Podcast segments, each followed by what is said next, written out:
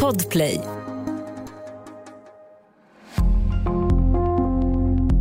Välkommen till True Crime-podden Sommar. Det här är en podd för dig som älskar true crime. Och för att göra det enklare för dig att få den mest spännande true crime-lyssningen har vi samlat de bästa avsnitten och poddarna från Podplays katalog. Vi hoppas att du ska få en riktigt bra och rafflande sommarlyssning och förhoppningsvis också hitta en ny favoritpodd hos oss på Podplay. Jag heter Hasse Aro och jag kommer att vara din guide hela sommaren. Tack för att du lyssnar.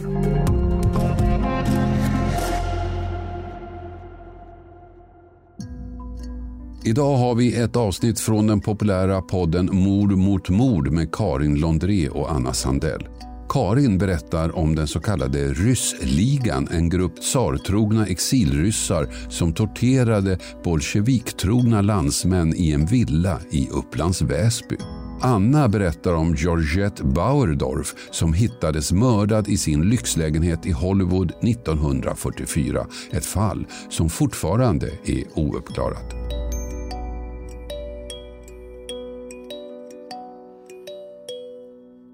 Polismuseet i Stockholm, har du varit där? Eh, aldrig. Inte Men jag har hört många som, eller jag har hört några stycken som har varit där i vår grupp. Innan så verkade det som att det var ganska grovt, det polismuseet. Alltså Okej. att det var lite mer, absolut inte som det där i LA som ska vara helt stört. Eh, men att det var lite mer liksom, men att det nu är ganska så barnvänligt typ. Eh, Men hur som helst, så just nu har de i alla fall en utställning som eh, heter Avtryckaren 150 år av polisfotografi. Just det. Som låter väldigt spännande, som det typ görs reklam för överallt. Ehm, och där, den eh, utställningen verkar då till viss del bestå av mugshots liksom, genom svensk polishistoria. Och Aftonbladet hade en artikel där de skrev om det och typ lyfte upp några specifika fall eh, där kvinnor var förövare. Och jag råkade se den artikeln och sen så hit, du vet så här, ibland när man bara läser typ två meningar om ett fall, man bara va, vad menar ni typ? så var det. Eh, så att jag, eh, det är liksom då ett, ett superintressant gammalt svenskt fall. Eh, Okej. Som vanligt när jag väljer ett svenskt fall. Men det kretsar också typ lite så här kring ryska revolutionen. Tsar- Tsarfamiljen kontra bolsjevikerna. Och Det det, finns ingenting som är så spännande. det gillar ju både du och jag. Eh, så det är liksom en, så här, en kombination av det, vilket känns väldigt spännande. Så att jag ska berätta för dig om det som i svensk press kom att kallas för ryssligan. Okej. Ja. Eh, och ledaren för ryssligan hette Mohammed Bek Hadjetlatche. Okej. Eller det var åtminstone det han kallade sig under tiden i Sverige. Eh, man tror att han kanske hette Kasi Bek Akhmetukov från början. Men folk höll ju på så jävla mycket med olika identiteter och sånt. Så spännande. Eh, ja, exakt. Så att han föddes antingen 1868 eller 1872. Han sa olika själv. Han kom från början från ett område i Turkiet, eller typ gränsen mellan Turkiet och Syrien. Ehm, men han liksom kom nära eh, den ryska tsarfamiljen, eller det är i alla fall vad han själv sa. Ehm, Okej. Och blev liksom aktiv i deras armé. Och han var eh, kosacköverste till sitt. Och han var då muslim och under första världskriget så jobbade han ehm, med att liksom bibehålla stödet från ryska muslimer gentemot den, liksom, det ryska ledningen när de hade typ, när de var i krig med Turkiet tror jag. Alltså det var någon sån grej. Jag ska verkligen, verkligen inte svära på den här eh, historiska kunskapen. För jag Nej. har den inte. Ehm, men... Du upplevde den inte. Jag därför inte har den. Jag upplevde den inte. Nej exakt, det, här, det kan vi väl ändå vara tydliga med att det här är inte förstahandskälla. det är inte jag som är Mohammed Beck Hadjetlatche. Inte? Gud, nu kommer the big reveal. Det tog så 112 avsnitt men nu är det dags för mig att berätta att jag är en död kosacköverste. Spännande. Eller hur? Ehm, Okej, så han ehm, bodde i Paris under en period och hela hans familj bodde där. Jag tror att han hade en, en fru och fem barn. Ehm, och i den här tiden i Paris så gav han ut en tidning som riktade sig mot då ryska muslimer. Så att liksom så här, ja, en propagandatidskrift helt enkelt. Som handlade då om att påverka läsarna att tycka att eh, Ryssland var kanon. Ja. Eh, men vi vet ju om då att det gick inte så bra för tsar-familjen sådär. Nej. Har du sett den här, den här Netflix-serien The Last Nej. Tsars? Men den vill är jättegärna göra. jättebra. Den är väldigt, väldigt bra. Eh, så den kan jag verkligen rekommendera. Det är ju extremt intressant, hela jävla Ja. Romanov-familjen och allt som händer där. Så spännande. Eh, Älskar Anastasia. The Gud, Disney alltså, version. ingenting förvånar mig mindre. Eh, Okej, så att eh, ja, 1917, det går åt helvete. Och jag tror att han var tillbaka och liksom stred mot bolsjevikerna då, Mohammed. Eh, Men efter oktoberrevolutionen 1917 så tar han sig till Stockholm där han blir politisk flykting, flykting på grund av att han, alltså han liksom berättar om allt det här fruktansvärda som han har utsatts för av bolsjevikerna. Och med sig när han kommer så har han sin sekreterare Michail Ettinger. Han får också asyl, så de är en liten duo liksom. Hans familj är kvar i Paris. Ehm, och det fanns tydligen väldigt mycket ryska flyktingar vid den här tiden. Eh, och det som är intressant, eller som jag tycker är intressant, är att det innan revolutionen så var det liksom mycket kommunistiska flyktingar. Eh, du vet är också den här grejen att när Lenin är på väg tillbaka till, eh, till eh, Ryssland för att så bara shit's going down så stannar ju han i Stockholm och shoppar. Det är, vilket är väldigt eh, Det är ju, intressant. det är ju något. Det är, det är ju något. Det är verkligen Ja. någonting. Så han stannar, och jag tänker typ att det kanske helt enkelt är så att det var att han hade ryska kompisar här. Jag, det, hittar jag också, det hittar jag också på, men jag tänker. Ehm, så att innan då så var det liksom kommunistiska flyktingar och efter revolutionen så byttes det liksom ut. Eller de åkte ju tillbaka till Ryssland och var så här, ja nu är det dags för oss att fortsätta med this communism thing som vi gillar väldigt mycket. Och då kom typ liksom ryska, alltså typ tsar-stöttande ryssar kom till Sverige. Så de bytte liksom plats. Så flummigt. Väldigt, väldigt käckt. Eh, Så att det är liksom, det, det kom förstås ryssar från olika samhällsklasser efter revolutionen, även om kanske, eh, De flesta var från tsarfamiljen. ja men åtminstone övre. Som jag förstått. Ja exakt, precis. precis. De flesta kom direkt från tsarfamiljen. De flesta var Anastasia. Och, och det var du. De, de, de flesta utgav sig för att vara Anastasia men det var bara en som var det och det var min mormor. Ja. Och gud, och nu återförenas vi. Du, Anastasias barnbarn, jag, den här Kolchev. kosacköverstan. Skulle vara reprisväg att säga bolsjevikernas barnbarn. Fast det är så kolchevackerna. Kolchevackerna. Gud, det är som att du inte ens bryr dig om mitt ursprung. Okej, eh, ja som du säger, det liksom är så här, det är folk som har lite pengar som kanske kommer från hö- högre samhällsklasser som kommer till Stockholm. Och ehm, de var liksom lite kända för att de levde rövare i vinterträdgården på Grand Hotel i Stockholm. Okej. Eh, de, tog liksom, de hängde där typ. Eh, och var rika och körde på liksom. Ehm, Fan vad nice. Ja, det tyckte nog typ inte alla andra som var där alla gånger. Men de verkar ha haft det gött ändå liksom. Men det som är att, du vet, fatta det enorma kaoset i Ryssland då liksom. Så det är som ett, liksom ett virrvarr av olika personer, olika politiska läger, olika agenter, olika dubbelagenter. Det är liksom Så sjukt svårt. spännande. Jag vet och typ så här, folk har olika identiteter och det är jättesvårt att hålla koll på Jag skulle vem vilja vara dubbelagent. Eh, men gud, nu får du välja. Anastasias barnbarn eller... Men det är det ju, det kan jag ju inte ändra på. Nej, just det. Det är verkligen, verkligen sant. Också bra att eh, cover up. Som Eller hur? För, men alltså man älskar ju en dubbelagent. No one knew a thing. Alltså det är otroligt spännande med en fucking Det är väldigt spännande. Nej, men så att, och alla har liksom falska identiteter och du vet, det hålls på typ. Ja. Ehm, så att man har liksom lite dålig, de som hänger där, det är mycket ryssar men det är lite svårt att eh, nysta ut liksom, hur det egentligen hänger ihop typ. Och det verkar också ha rått något liksom, diplomatiskt kaos där den tsartrogna diplomaten i Stockholm typ kanske inte ville dra trots att den bolsjevik-snubben hade kommit. Att det var liksom lite weirdness Okej. där också. Typ. Eh, jag vill inte bara höra mig mer prata om gammal världspolitik. Det var, det var lite snurrigt helt enkelt. Eh, redan under den här tiden så kommer alltså du vet den här ryskräcken som känns väldigt så här, djupt rotad i liksom svensk eh, eh, främlingsfientlighet eh, som ju känns, som man ju mest typ, vi kanske tänk kopplat till så kalla kriget liksom. Ja. Men den börjar liksom odlas redan här. Ja. Ehm, så att det är så här, eh, ja, det, det, folk börjar vara lite tveksamma till de här ryssarna och det som då Mohammed Bek Hadjilatje och hans kumpaner blir liksom kända för bidrar i allra högsta grad till den här bilden av ryssar. Liksom. Ja. Så Mohammed är i Stockholm tillsammans med sin sekreterare Mikhail Ettinger. Och han upplever, alltså eh, Mohammed är liksom upprörd för att han upplever att i Sverige så tillåts liksom bolsjeviker typ hålla på precis hur de vill.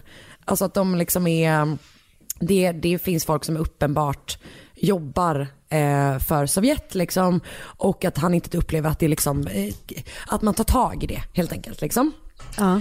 Ehm, och som sagt det pågår en del maktkamper mellan tsartrogna och bolsjeviker även i Sverige och det är någon skit med diplomater bla bla bla. bla.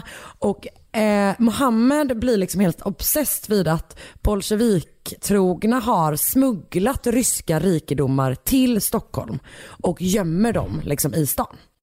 Ah, okej. Så han ser liksom kommunister överallt eh, och vill väl liksom fortsätta kämpa för det Ryssland han ser som så här sitt, sin, sitt land. Liksom. Ja.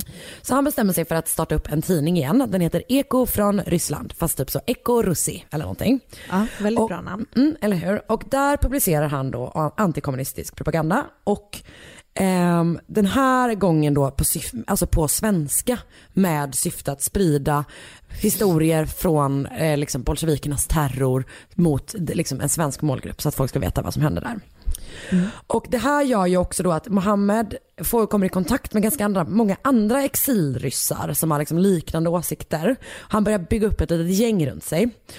Och de arbetar med den här tidningen fram till typ januari 1919. Eh, men samtidigt så börjar också Mohammed liksom så här jobba på lite andra planer som lite mer handgripligen skulle kunna bidra till liksom kommunisternas fall. Alltså han har, han har tankar på någon slags kupp gentemot liksom ehm, mot eh, Sovjet liksom delegationer Så typ. sjukt spännande. Mm, jag vet, eller hur? Ehm, men han eh, kommer ta en lite annan approach kan man säga. Okej. Ehm, så att, som sagt, ett litet gäng exilryssar runt honom, runt Eko från Ryssland och det är då bland annat eh, den här Ettinger, ehm, det är en hel familj som heter de eh, pappa, pappa Georg, jag tror att han har två söner och en dotter. Alltså alla tre är liksom tonåringar som är aktiva i den här Okej. gruppen. Även typ lite så, men lite olika ryssar och deras fruar typ verkar det vara. Det finns också två svenskfödda kvinnor som har gift sig med, med, med ryssar i det här gänget. Marie Putolov och Sigrid Ronkonen. Och Aha. båda var då liksom änkor. Där den enas man har begått självmord och den andras man har dött i strid i hemlandet. Mm. Och dottern i den här familjen de Gysser, hon heter Dagmar. Hon är bara 16 år när hon träffar Mohammed. Och Dagmar är liksom super, super smart. Ehm, och hon, har, hon är då född i Ryssland men har kommit till Sverige och har väldigt, väldigt snabbt lärt sig svenska. Okej. Jag tror också typ att hon kan franska. Hon är liksom väldigt, väldigt begåvad. Och det gör då att det i kombination med att hennes familj uppenbarligen är aktiv i den här rörelsen gör att hon eh, blir ganska tätt knuten till den här tidningen för hon börjar översätta texter eh, från ryska till svenska då.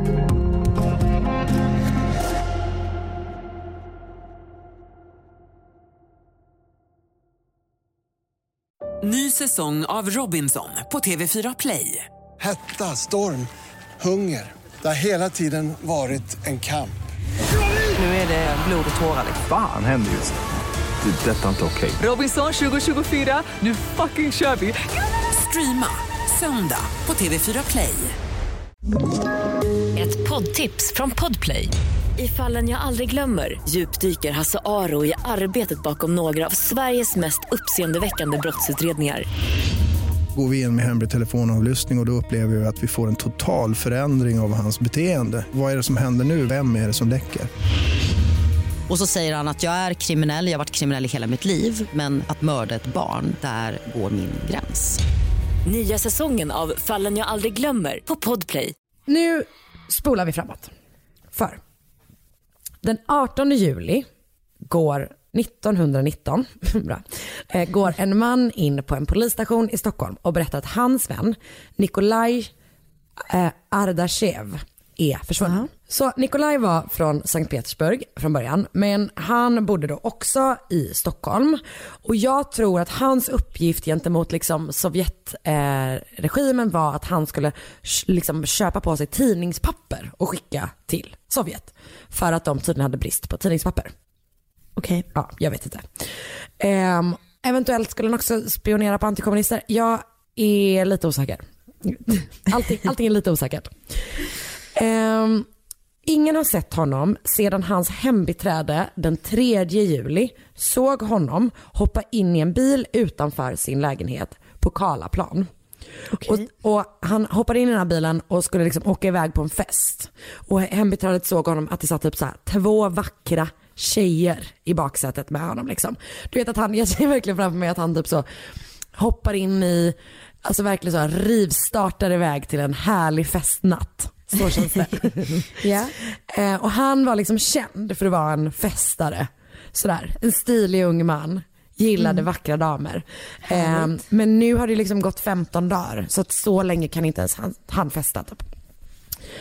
Polisen börjar då utreda det här fallet och de får ett spår direkt. För Nikolajs hembiträde har skrivit upp bilens registreringsnummer. Okej. Okay. Och snart då så kopplar man den till Mohammed Bek Hajet Lache och en villa som han har köpt i Bollstanäs i Upplands Väsby. Mm -hmm. Så den 27 juli 1919 så genomför polisen en razzia i villan. I huset så stöter man på Mohammed och liksom några andra hans, i hans gäng. Eh, och man hittar typ lite dokument och lite olika saker och sen på övervåningen i huset som grannarna förstås kallar för ryssvillan. Mm. Eh, så hittar man ett rum som visar sig ha funkat som en blodsdomstol. Nej. Det är alltså ett rum dit man har lurat meningsmotståndare och sedan liksom utdömt straff till dem okay. eh, och plågat dem till döds i vissa fall upp till 24 timmar. Men fy. Sen har man sänkt deras kroppar i sjön utanför. Och när polisen draggar Norrviken så hittar de inte bara Nikolaj utan de hittar två offer till. Uh-huh. Och Mohammed och hans kompanjoner visade sig då, de brukar locka till sig sina offer just genom att bjuda in till fest. Mm-hmm. Och de gillade också att använda sig Fan av... vad sly. Ja, verkligen. Man vet ju om, det är så svårt att tacka nej till en god fest. Absolut. Mm. Eh, ofta använder man sig av Dagmar, 16 år gammal, som eh, lite lockbete. Mm-hmm. Eh, och man gör, de gör ju det här då förstås eh, för att det här är deras meningsmotståndare men också för att de vill eh, stjäla från dem eller ta tillbaka det som Mohammed anser att de här människorna har stulit från Ryssland för mm. att ge det tillbaka till Ryssland och motståndet mot bolsjevikerna. Ja. Och ligans första kända offer, han heter Carl Calvé, han var ingenjör och, you guessed it, dubbelagent. Oh yeah. Verkar det som i alla fall. Han spionerade alltså för Sovjet på antikommunister i Sverige. Men han ska också ha jobbat för Säpo. För att Aha. hålla koll på Sovjetgänget. Men säkert okay, också okay, antikommunisterna för dem också kanske. Han är, är, är han trippelagent? Kanske. Det, jag, skulle, jag skulle i alla fall gissa på det. Två och en halv agent. Um, mm. Men så han är liksom, eh, han är, är liksom den typen av person då. Och uh, han var liksom helt inställd på att det här skulle vara en härlig festkväll i goda vänners lag. Så till den milda grad att han packade med sig sin balalaika när han åkte dit. Mycket balalaikor. Jag tänkte på... Det är ditt favoritinstrument. Det är verkligen det. Um, alltså det, är, det, är, så. Alltså, jag, I, I don't blame you. nej, nej, För att alltså, det är ett spännande instrument. att ta med på en fest. Fan det är... Gud, Att ta med på en fest, att spela hemma i sin egen lugn, hemmets lugna vrå. att spela maniskt framför sin flickvän och hennes stackars mamma eh, på Gotland. Exakt. Men gud, alltså tänk dig det verkligen så här, är verkligen next level. Nu säger jag absolut inte att den här Carl Calvé var sådan, utan jag bara pratar utifrån nutida perspektiv. Hur störig kille som inte bara har med sig en gitarr till festen, störig till den från början, med sin fucking balalaika. Ja. Alltså, jag kan typ inte tänka mig något värre. Så Nej. riktigt så speciell. Ja, verkligen. Nej, men det här, nej men det här, nej det är ingen gitarr. Ja, du, du, vill höra, gitarr. du vill höra eh, trubaduren? Kan man bara på balalaika. Spelar väldigt mycket så Fritiof och Och jag Carmen kan, Sipa. jag, han, han, kan bara, han kan bara trubaduren inte, på balalaika och inte heller Magnus Ugglas version utan Darins version. Från Så mycket bättre. Otroligt speciell person. Han får komma på min fest. Any day. Any fucking day. Okej. Ehm, jag kände, ju- när vi pratar om sånt här, kände du ändå blir glad att du ska föda en dotter. Alltså så, så glad. Okej, hur som helst. Ligans andra kända offer var rysk-judiska Yuri Levitsky eh, och han var tydligen känd för det här Grand Hotel-gänget. Han var journalist, hade också liksom någon koppling till Sovjet eh, och han tvingades skriva ut checkar eh, till det här gänget liksom. Men när Mohammed drog in till stan för att lösa in dem, alltså det här är också hur länge det pågick för att jag antar att festen började på kvällen och att banken öppnade dagen efter. Så att de höll på liksom skitlänge och plågade de här stackars människorna. Eh, så Mohammed åker in till stan för att lösa in de här checkarna och då lyckas Yuri fly. Men Sigrid Ronkonen får tag på honom. Henne kan man inte lita på. Henne kan man verkligen inte lita på. Hon får tag på honom, börjar misshandla honom med en eldgaffel. Ah, Och bara slår och slår och sen så mördas han på ett sätt som är så grovt så att eh, det kan man få googla själv. För att jag, du vet sånt som gör nej men du och jag, vi, och vi vill inte höra. Nej, nej. Alltså det, det vill folk vill, visst men jag vill inte säga. Nej, exakt. Um, Okej. Sista offret var då alltså Nikolaj Ardashev och hans sista tid i livet verkar typ ha liknat Karls väldigt mycket.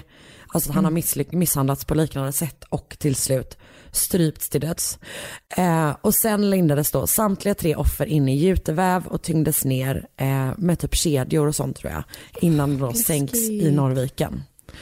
Och under den här razzian så hittar polisen också en dödslista med ytterligare fyra namn. Men man har aldrig hittat bevis för om de bara var planerade mord eller om de var genomförda. Okej. Man har inte hittat deras kroppar men det verkar Har man hitt, och man har inte hittat dem levande heller? Nej, inte vad jag har, inte vad jag sett liksom. Men som sagt det var också en tid med många De alias. kanske inte fanns. Man vet inte, man vet inte. Ehm, nej, men så det är tre stycken bekräftade offer, men kan vara så många som sju. Antagligen är det tre.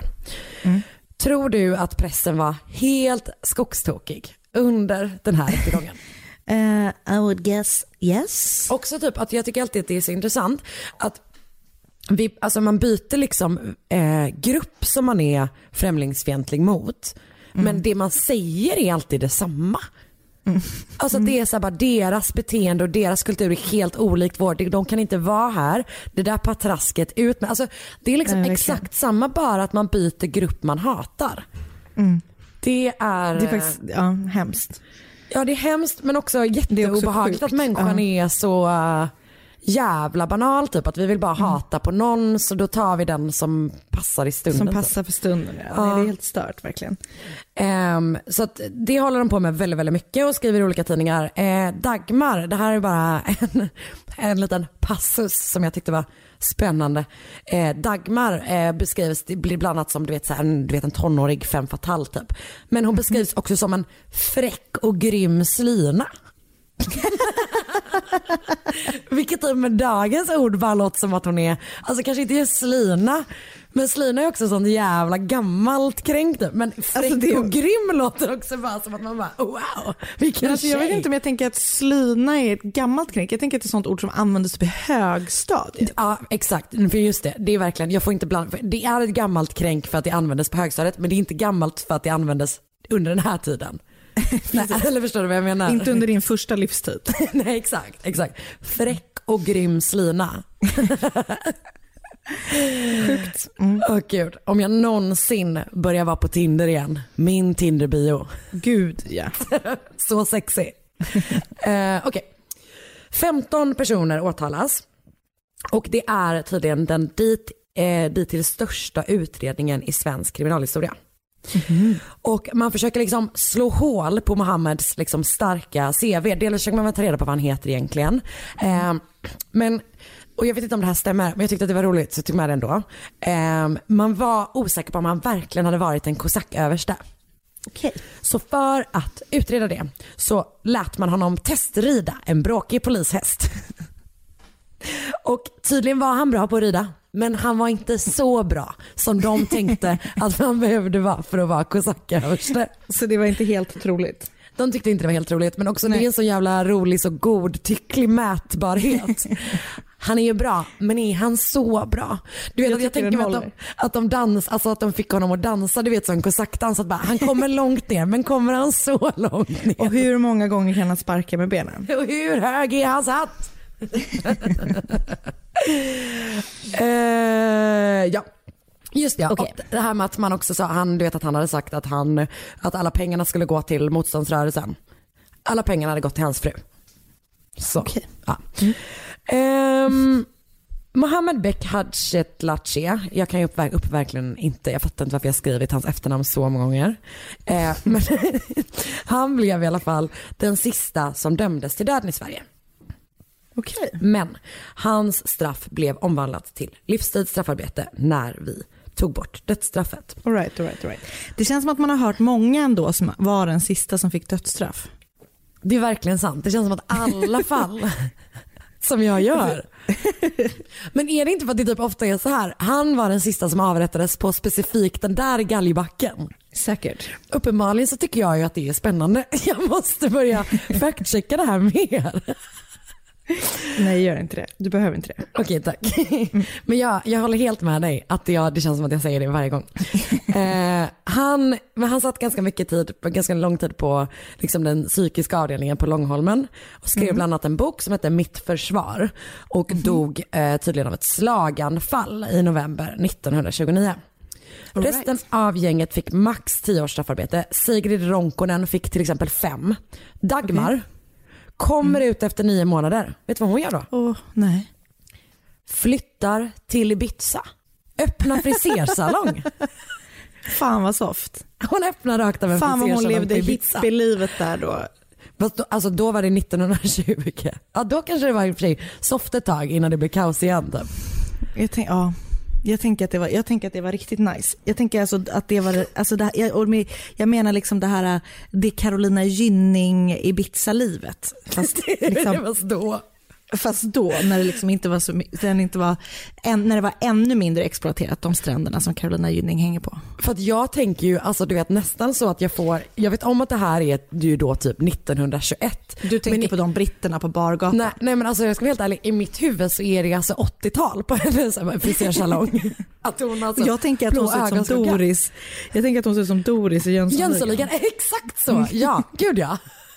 Men hon har nog, nej så är det ju inte på Nej. 20-talet. Nej. Men Jag tyckte bara det var en härlig eh, liten eh, piece of information. Verkligen, uppskattar den jättemycket. Ehm, så det där var då ryssligan. Intressant. Och Synd att jag inte sparade det till när vi har en livepodd i Upplands Väsby. Du säger Ryssland, jag bara shooting for the stars Karin. Verkligen. Men gud de kommer ju välkomna dig hem. Det förlorade, det förlorade kejsarbarnet. Undrar, undrar hur Putin skulle känna inför det. Men jag tror att han hade varit tveksam. Jag tror han hade sa- satt mig någonstans. Ja det tror jag med. Men då kommer jag rädda dig. jättebra. Jag, bolsjeviken, bryter ut dig. En oväntad vänskap. Det är super. Okej, ehm, Och sen så startar vi, sen startar vi ett nytt land någonstans i Sibirien.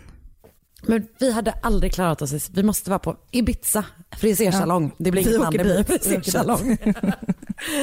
Okej, jag har då läst Aftonbladet-artikeln Sigrid slog ihjäl en man med en eldgaffel av Katarina Norgran men också Populär historias artikel med rubriken Ryssligan mördade bolsjeviker i Sverige av Sara Griberg samt Okej. Nordisk familjebok från 1924 och Wikipedia. Bra, tack snälla. Tack snälla ska du ha.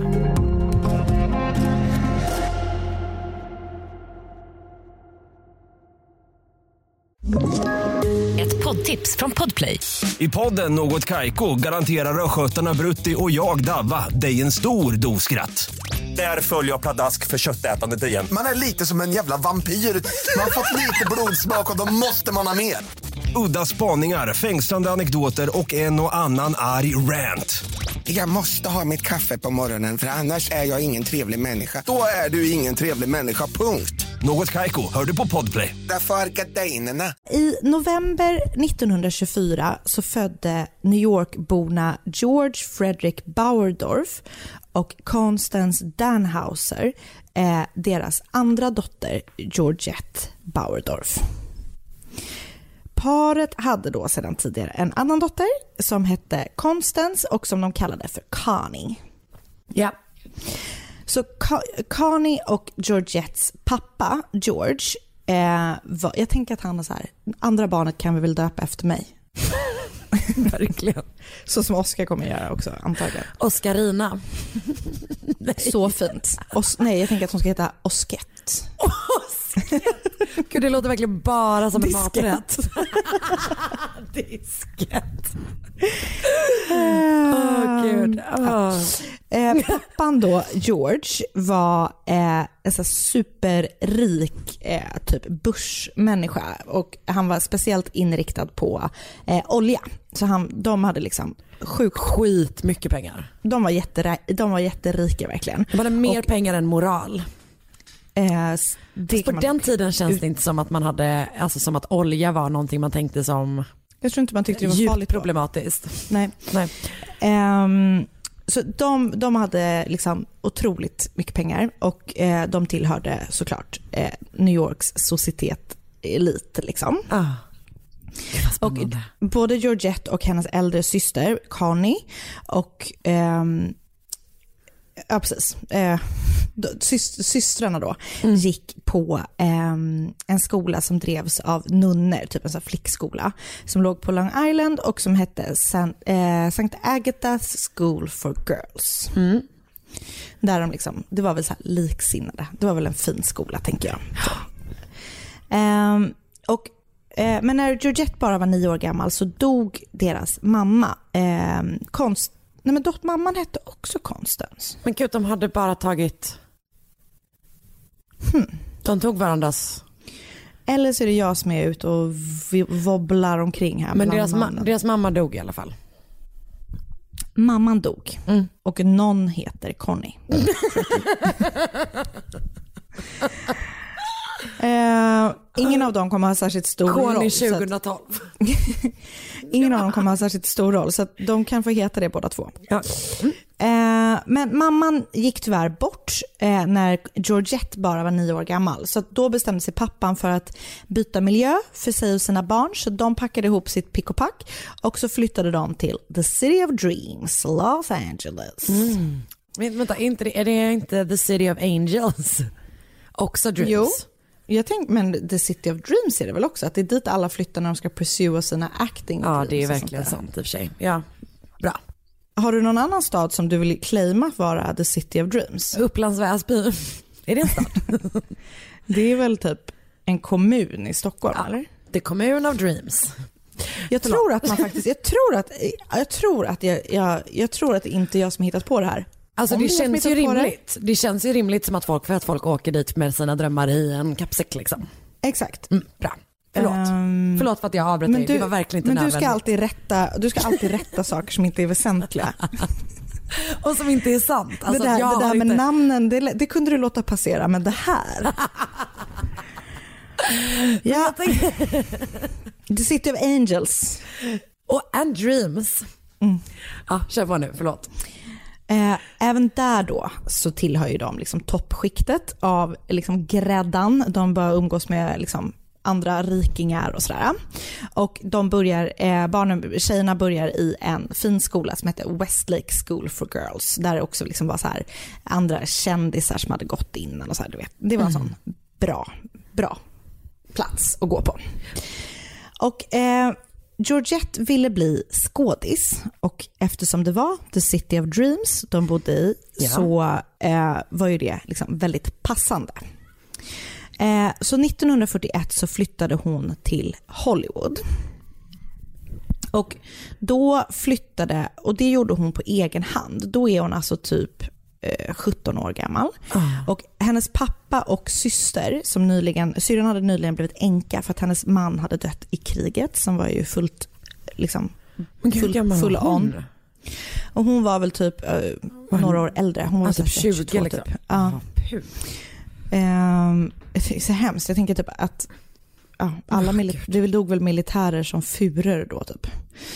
Ehm, så, men, pappan och eh, syrran då som har blivit änka precis, de har flyttat från LA. Och antingen så har de flyttat tillbaka till New York båda två eller så har syrran flyttat tillbaka till New York och pappan har flyttat till Nevada med sin nya fru. Vet inte riktigt vilket av dem som stämmer. Men Georgette då flyttar till Hollywood och eh, hon är ju då inte en vanlig typ eh, tidig eller sen tonåring utan hon bor i ett så jättefint område i en lyxig så här, tvåvåningslägenhet med en fin veranda utanför i ett ställe som heter La Palazia. Oj. Eh, och i det här komplexet så bodde så här många eh, kändisar och andra välbeställda människor. Liksom. Eh, hon hade, i det här komplexet så var det typ en man och en kvinna som var gifta och hade ett barn. Som var liksom, han var typ eh, vaktmästare och hon var eh, maid. Så t- och de hade liksom hjälp hela tiden i huset. Oj. Eller i lägenheten. Så var, varje dag så kom de och städade och fixade. Och du vet, så här. Så de var liksom Eh. heltidsanställda för att bara göra den grejen hemma hos folk? Exakt. Ja. Jävlar. Eh, och Georgette var ju inte i något behov av pengar alls egentligen, utan hon fick ju som jag förstår det, allting betalt av sin pappa. Men hon ville ändå ha en sysselsättning utöver det här att pursua sin eh, skådespelarkarriär. Så hon tog sig ett jobb. Och först arbetade hon som eh, reporter på LA Times. Eller reporter, eller hon, journalist. Hon fick väl skriva notiser typ, för hon var ju ung och inte en, jag vet inte, hon jobbade där i alla fall. Det var ingenting för henne, så eh, hon sa upp sig där och istället så började hon jobba på Hollywood Canteen. Vilket var att överallt, överallt runt i landet så fanns det då sådana här canteens som var till för USAs militärer. För, Ja! för att de skulle kunna komma och roa sig eh, och Japp. typ dansa och kolla på så här uppträdanden och sånt. När de var precis innan de skulle rycka ut eller när de var hemma på permis eller typ vad det kan ha varit.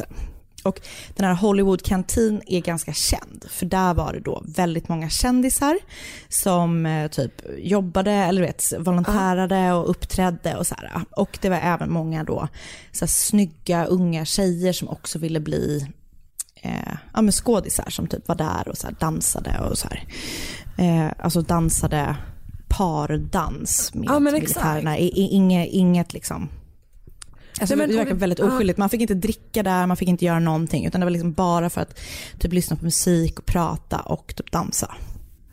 Men jag undrar, varför har jag... Eh, eh, varför känner, men det är för att det var så jävla mycket kändisar som var där. Som att man känner Mm. igen det liksom.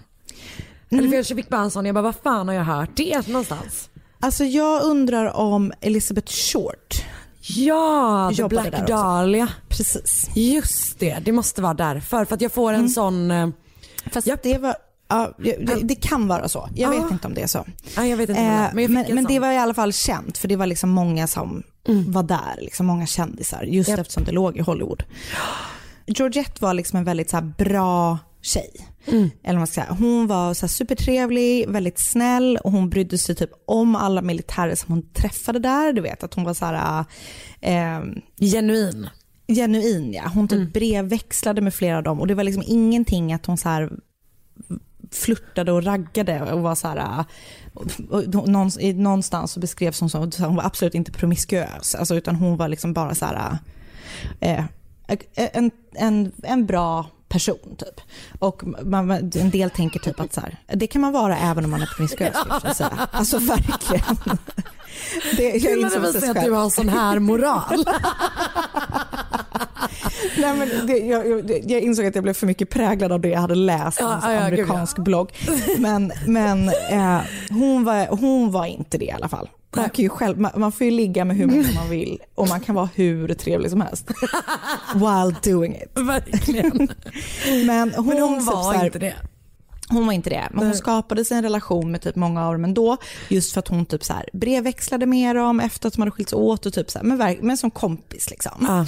Och en del typ, eh, eh, du vet vad så här, kan det ha varit för att hennes svåger gick bort typ, att hon ville vara så här. Ah, Ja, han bla. var militär ja, just det. Ja, vet inte. Nej. Hon kanske bara var en decent human being. Exakt. Jag hade ju bara varit där för att ragga på men in uniform. Gud ja, 100 procent. So hot. Ehm, det är ju det. Ja det är okej. Det är coolt i alla fall. Ja, japp. Jag, det, jag, Eller jag, det, det är inte så mycket min grej, men jag vet fatta att det är din grej. Ja, det, men jag tänker, typ, jag tänker det kanske att mer uniform som är typ polis i min grej. Ja. Jag tror inte... det är så jävla osexigt. Jag vet inte. Du Jag gillar tänker mer på en sån... officer och en gentleman. Jag, eh, ja, nej skitsamma. Japp. Jag tänker, jag tänker typ som Pearl Harbor. Det det. Jag, jag vet exakt vad du tänker.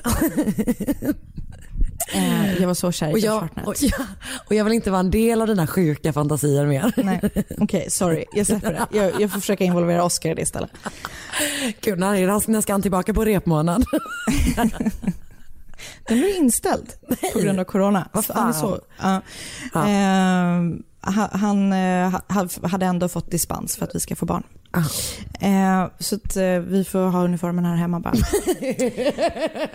Den 10 oktober, den 10 oktober eh, 1944, eh, då är hon alltså 20 år gammal, Georgette, är hon och hennes pappas sekreterare, tillika hennes vän Rose Gilbert, eh, ute på stan. Eh, de typ, Rose och eh, Georgette är vänner, men det, det är också liksom, hon jobbar för hennes pappa och typ, jag tror, jag tror hon liksom håller lite koll på henne. Jag får för mig att hon är lite äldre, men det vet jag inte. Eh, de är ute på stan, de typ äter lunch, de shoppar, eh, Georgette går till frisören för att fixa sitt hår. De är också på banken för att Georgette ska växla in en check på 175 dollar. Och för 90 dollar av den sum- summan så köper hon sig en flygbiljett till Chicago. Eh, för hon ska nämligen åka och besöka en man som hon har stött på på den här kantinen. Eh, som är en militär vid namn Jerome Brown. För de har då träffats under sommaren 1944 och eh, har fattat tycke för varandra. Eh, och efter att de har eh, lämnat LA så har de brevväxlat först och sen så har det avancerat till att de har börjat tala i telefon och nu ska de då alltså ses för första gången igen. Och det är typ så här, hennes pojkvän typ. Ja. Eh, så att det händer då den 10 oktober. Den 11 oktober så är Georgette eh, på kantinen och jobbar. Och hon dansar då med flera olika militärer som de alltid gör när de är där. Men det var en som liksom så utmärkte sig för att vara fett jobbig. Du vet varje gång hon dansade med någon så var han fram och avbröt. Så här. Japp. Och hon, efter, liksom, hon vill- ville verkligen inte dansa med honom men hon typ så försökte avvisa honom trevligt. Hon typ dansade med honom lite grann och sen var det typ att hon var så här, ja, hon var helt klart, enligt hennes vänner som var där, som hon jobbade där också, så var hon så helt klart besvärad av att han var på henne som fan. Ah, sådär som man är. Exakt. Japp. Eh, hon har lämnat eh, kantinen vid halv tolv. Det har hon skrivit in i så liggaren som de har där. Eh, och då har hon tagit sin bil hemåt. Som är, eh, som hon hon, när syrran flyttade från LA så har hon fått ta över sin systers bil. Så att hon har en bil som hon kör överallt. Eh, så då har hon åkt hem vid halv tolv. Eh, dagen efter, alltså den 12 oktober, kommer det här paret då som tar hand om lägenhetskomplexet och som brukar städa i Georgettes lägenhet, Fredrik och Lulu dit. De har också med sig sin dotter dit. Lulu hör att badkaret är igång så hon går upp typ för att se efter så här, om någon är i lägenheten. Men när hon inte får något svar så kliver hon in i badrummet och ser att Georgette ligger med ansiktet neråt i badkaret eh, och att hon är naken ned till men har fortfarande på sig sin pyjamasskjorta. Hon ropar på sin Fredrik och de två tror typ först att hon så bara har svimmat av typ i badet. Så de så här försöker tömma på vatten och du vet så få igång henne. Eh, men Georgette är tyvärr död. Så de tillkallar då eh, polis eh, och polisen börjar liksom bara titta, du vet, börjar genast. Det är så här, här har vi en eh, liksom överklass-tjej som har blivit mördad i sitt hem, liksom, eller dö- som hittas död i sitt hem. De börjar genast liksom kolla vad som har hänt. Så här. Det finns inga tecken på att det har försiggått något bråk i lägenheten. Alla hennes dyra smycken, alla pengar, du vet, allting finns Ja, kvar. det är inget rån. Vilket, det är inget rån liksom. Nej. Men utanför hennes lägenhet så ser man att så här, glödlampan i den lampan som går igång automatiskt är urskruvad. Eh, lite grann. Den sitter kvar men den liksom är inte i. Ja. Vilket då gör att belysningen inte funkar. Alltså den tänds inte upp som den skulle göra utanför hennes dörr då. Jag tycker sånt är så läskigt. Att det är någon som har tänkt eh, och väntat och liksom Exakt. varit så här, om jag börjar lite så så kommer hon tappa si och så mycket säkerhet utanför sin egen dörr. Ja. Man vet ju inte om det hänger ihop. Nej. Men, men eh, de, de upptäcker det i alla fall när de Mm. liksom håller på. Eh, de, eh, det visar sig också att eh, Georgettes bil inte finns parkerad vid hemmet som den borde göra och som den brukade göra. Liksom. Ja, just det. Eh, när rättsläkaren sedan får undersöka eh, Georgettes kropp kan man se att hon antagligen har liksom, bråkat rejält med sin överfallare. Hon har liksom verkligen put up a fight. För hon har väldigt mycket blåmärken på kroppen och andra försvarsskador. Det visar sig att hon har blivit våldtagen och att mördaren har strypt henne och i hennes hals så hittar de en bit tyg som hon antagligen har blivit kvävd av. Den här tygbiten ska sen visa sig att den inte, den, den säljs, det här sortens tyg säljs typ inte i USA. Så antingen är det att förövaren haft med sig tyg eller så är det något tyg hon har haft hemma. Som hon, har köpt. hon har ju rest otroligt mycket i alla, alla år. Liksom, för att de har varit mycket, alltså eftersom de hade den ekonomin de hade så var de mycket i Europa. Så, så det kan vara någonting de har hittat hemma. Det vet de inte. Usch. Så man börjar då backtracea vad som har hänt den här kvällen innan, eller den kvällen Georgette har blivit mördad. Eh, och någon dag efter, jag tror, det kan typ vara så här dagen efter de har hittat henne, så får polisen ett brev från en militär vid namn Gordon Adland som hade varit i, i LA för att hälsa på sin bror och syster som bodde där. Eh, den kvällen som Georgette försvann, eller som hon blev mördad, hade eh, den här Gordon varit ute med eh, sin syster och dansat. Inte på Hollywood Canteen, utan på någon annan dans, eh, dansbar eller vad man säger. Mm.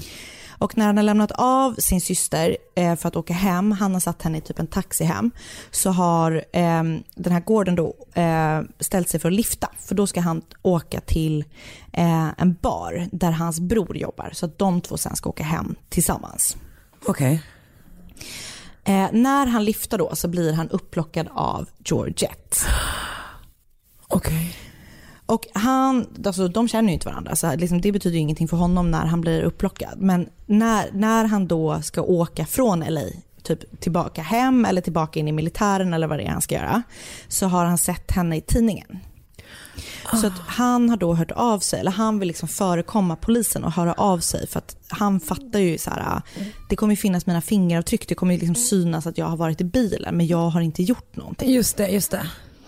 Så han berättar då att han har typ eh, reagerat på att en ung tjej så här plockar upp du vet, en man, det borde hon inte göra.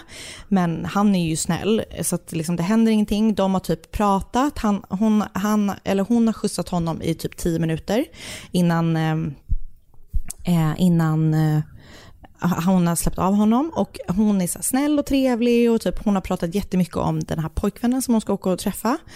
Eh, och hon var så här, han ska ringa mig sen ikväll och du vet. Hon, hon har varit, eller det verkar lite olika. Enligt vissa källor så säger de att hon hade verkat orolig. Men andra källor är typ så här, hon var glad typ. Eh, så så att han hör av sig direkt och säger så här, jag träffade henne men sen vet jag inte vad som hände för hon släppte mig någonstans och sen så vet jag inte liksom. Okej. Eh, det verkar vara legit. Så. Efter Georgette har droppat av honom då så har hon troligtvis åkt hem. Väl hemma så har hon eh, snacksat lite grann och enligt absolut alla källor har tagit upp vad det har varit. Så därför kommer jag göra det också. Eh, det var nämligen haricots och eh, en cantaloupemelon som hon åt när hon kom hem. Okej.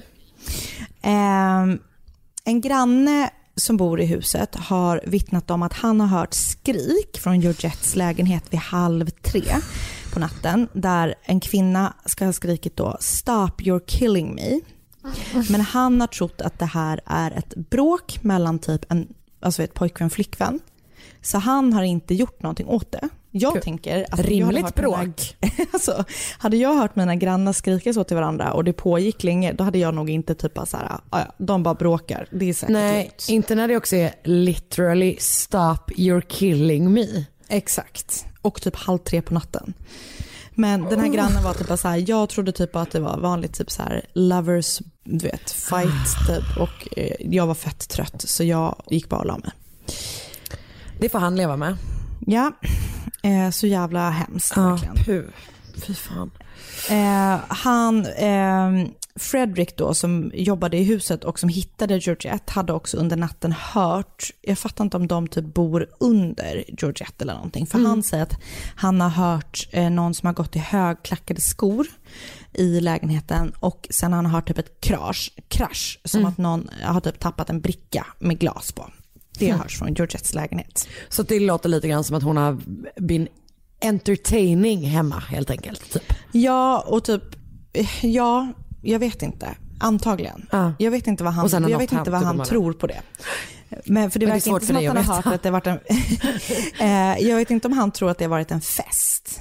Nej, nej, nej. det fattar. tror jag inte. Mm. Eh, hennes bil hittas eh, några dagar senare eh, en ganska bra bit ifrån deras, hennes hem. Ja. Ehm, Och det finns inga direkta eh, spår i, ehm, i bilen och bilen är eh, slut på bensin. Så någon har kört tills bensinen tog slut helt enkelt. Ja. Exakt. Ja, mm. Och, och, det, och man, vet ing, man hittar ingenting i bilen som liksom kan leda till någonting. Eh, så man börjar titta närmare på de kontakter som Georgette har haft på Hollywood Kantin. Till exempel den här mannen som ville dansa med henne hela kvällen. Ja. Men när han läste i tidningen att de letade efter någon som såg ut som han, eller du vet, som, som att de, han tyckte att han passade det. beskrivningen, så hör han av sig till polisen och bara så här, jag har inte gjort någonting. Han bara, jag är bara Eh, ett vanligt creep, jag är inte den sortens creep. Jag ville bara typ ta henne på röven, ingenting mer än så. Jag vill bara ta henne på röven utan samtycke. Det var inget mer med det. Exakt. Perfekt. Ehm, men, Okej, men han har alibi. Ja, och han har alibi för eh, liksom mordtiden, Ah. tidpunkten. För han har skrivit in sig på sin militärbas vid 11 snåret på kvällen.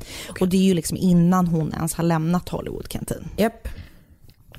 Eh, hon hade tydligen också dejtat någon militär alltså tidigare eh, på året som hade blivit helt typ, tagen av henne. Men som hon ehm, eh, inte alls var intresserad av. Men det verkar som att de inte fick tag på honom. Så här. Men han verkar typ uteslutas. Alla utesluts ganska. Alla som de tittar på är bara så här, nej men det är nog inte den personen. Och sådär. Eh, de tittar även på personer då som hon har nedtecknat i sin telefonbok och de som hon brevväxlade med. Men ingen är typ av något slags intresse. Och den här, pojk, för den här pojkvännen var liksom inte ens, han var inte in town. Nej, precis. Nej, nej. Han, han är i, liksom, nej precis. Han är inte ett option. Okej. Eh, man tycker inte heller att det verkar särskilt, alltså, liksom givet hur Georgette är och har varit tidigare så tänker man så här, det är, det är inte särskilt troligt att hon typ har haft med sig någon hem. Nej. Ehm, möjligtvis så kanske hon har låtit någon följa henne hem, men inte med upp i lägenheten.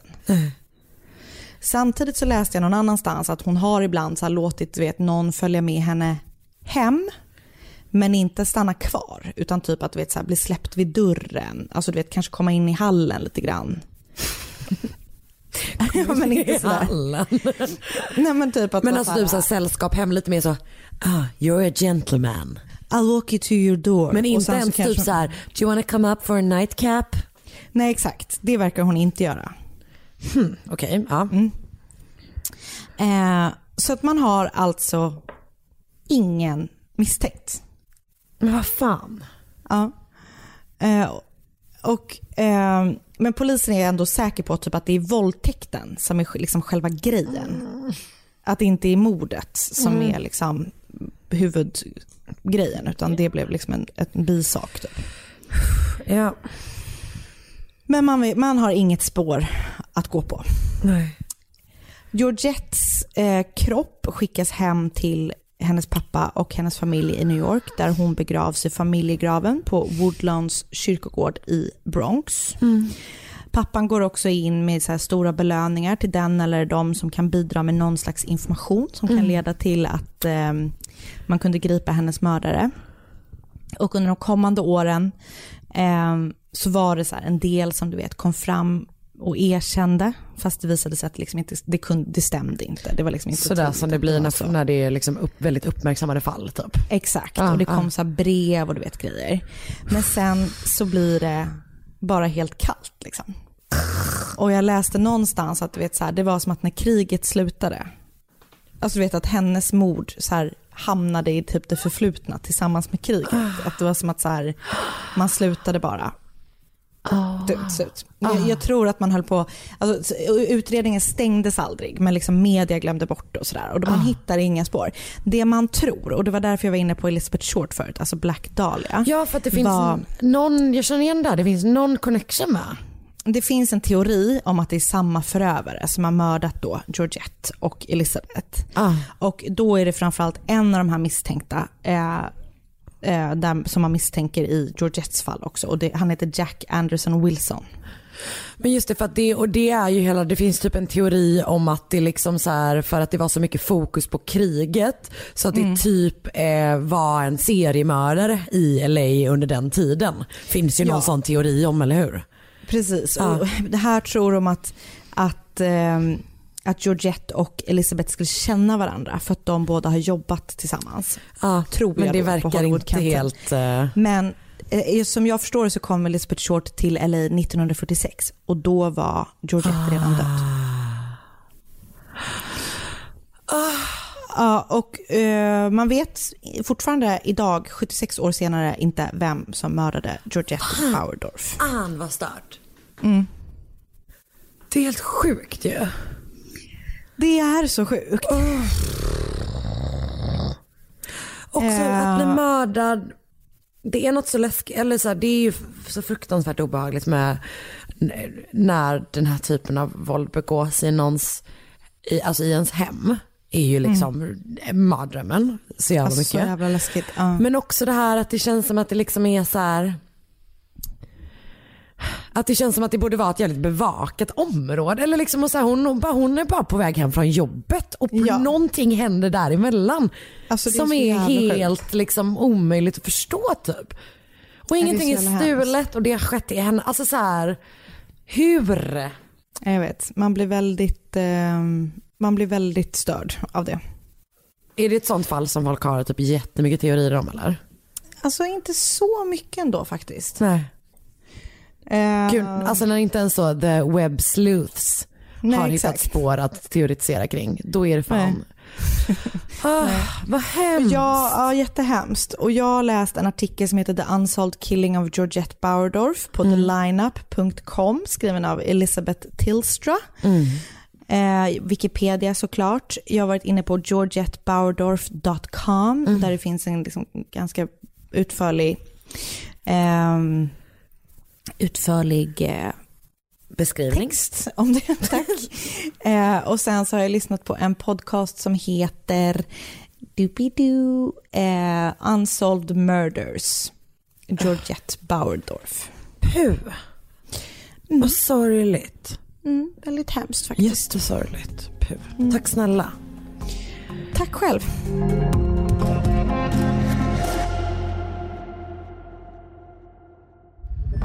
Podplay, en del av Power Media. Ett poddtips från Podplay. I podden Något Kaiko garanterar östgötarna Brutti och jag, Davva, dig en stor dos skratt. Där följer jag pladask för köttätandet igen. Man är lite som en jävla vampyr. Man har fått lite blodsmak och då måste man ha mer. Udda spaningar, fängslande anekdoter och en och annan arg rant. Jag måste ha mitt kaffe på morgonen för annars är jag ingen trevlig människa. Då är du ingen trevlig människa, punkt. Något Kaiko, hör du på Podplay. Därför är gardinerna.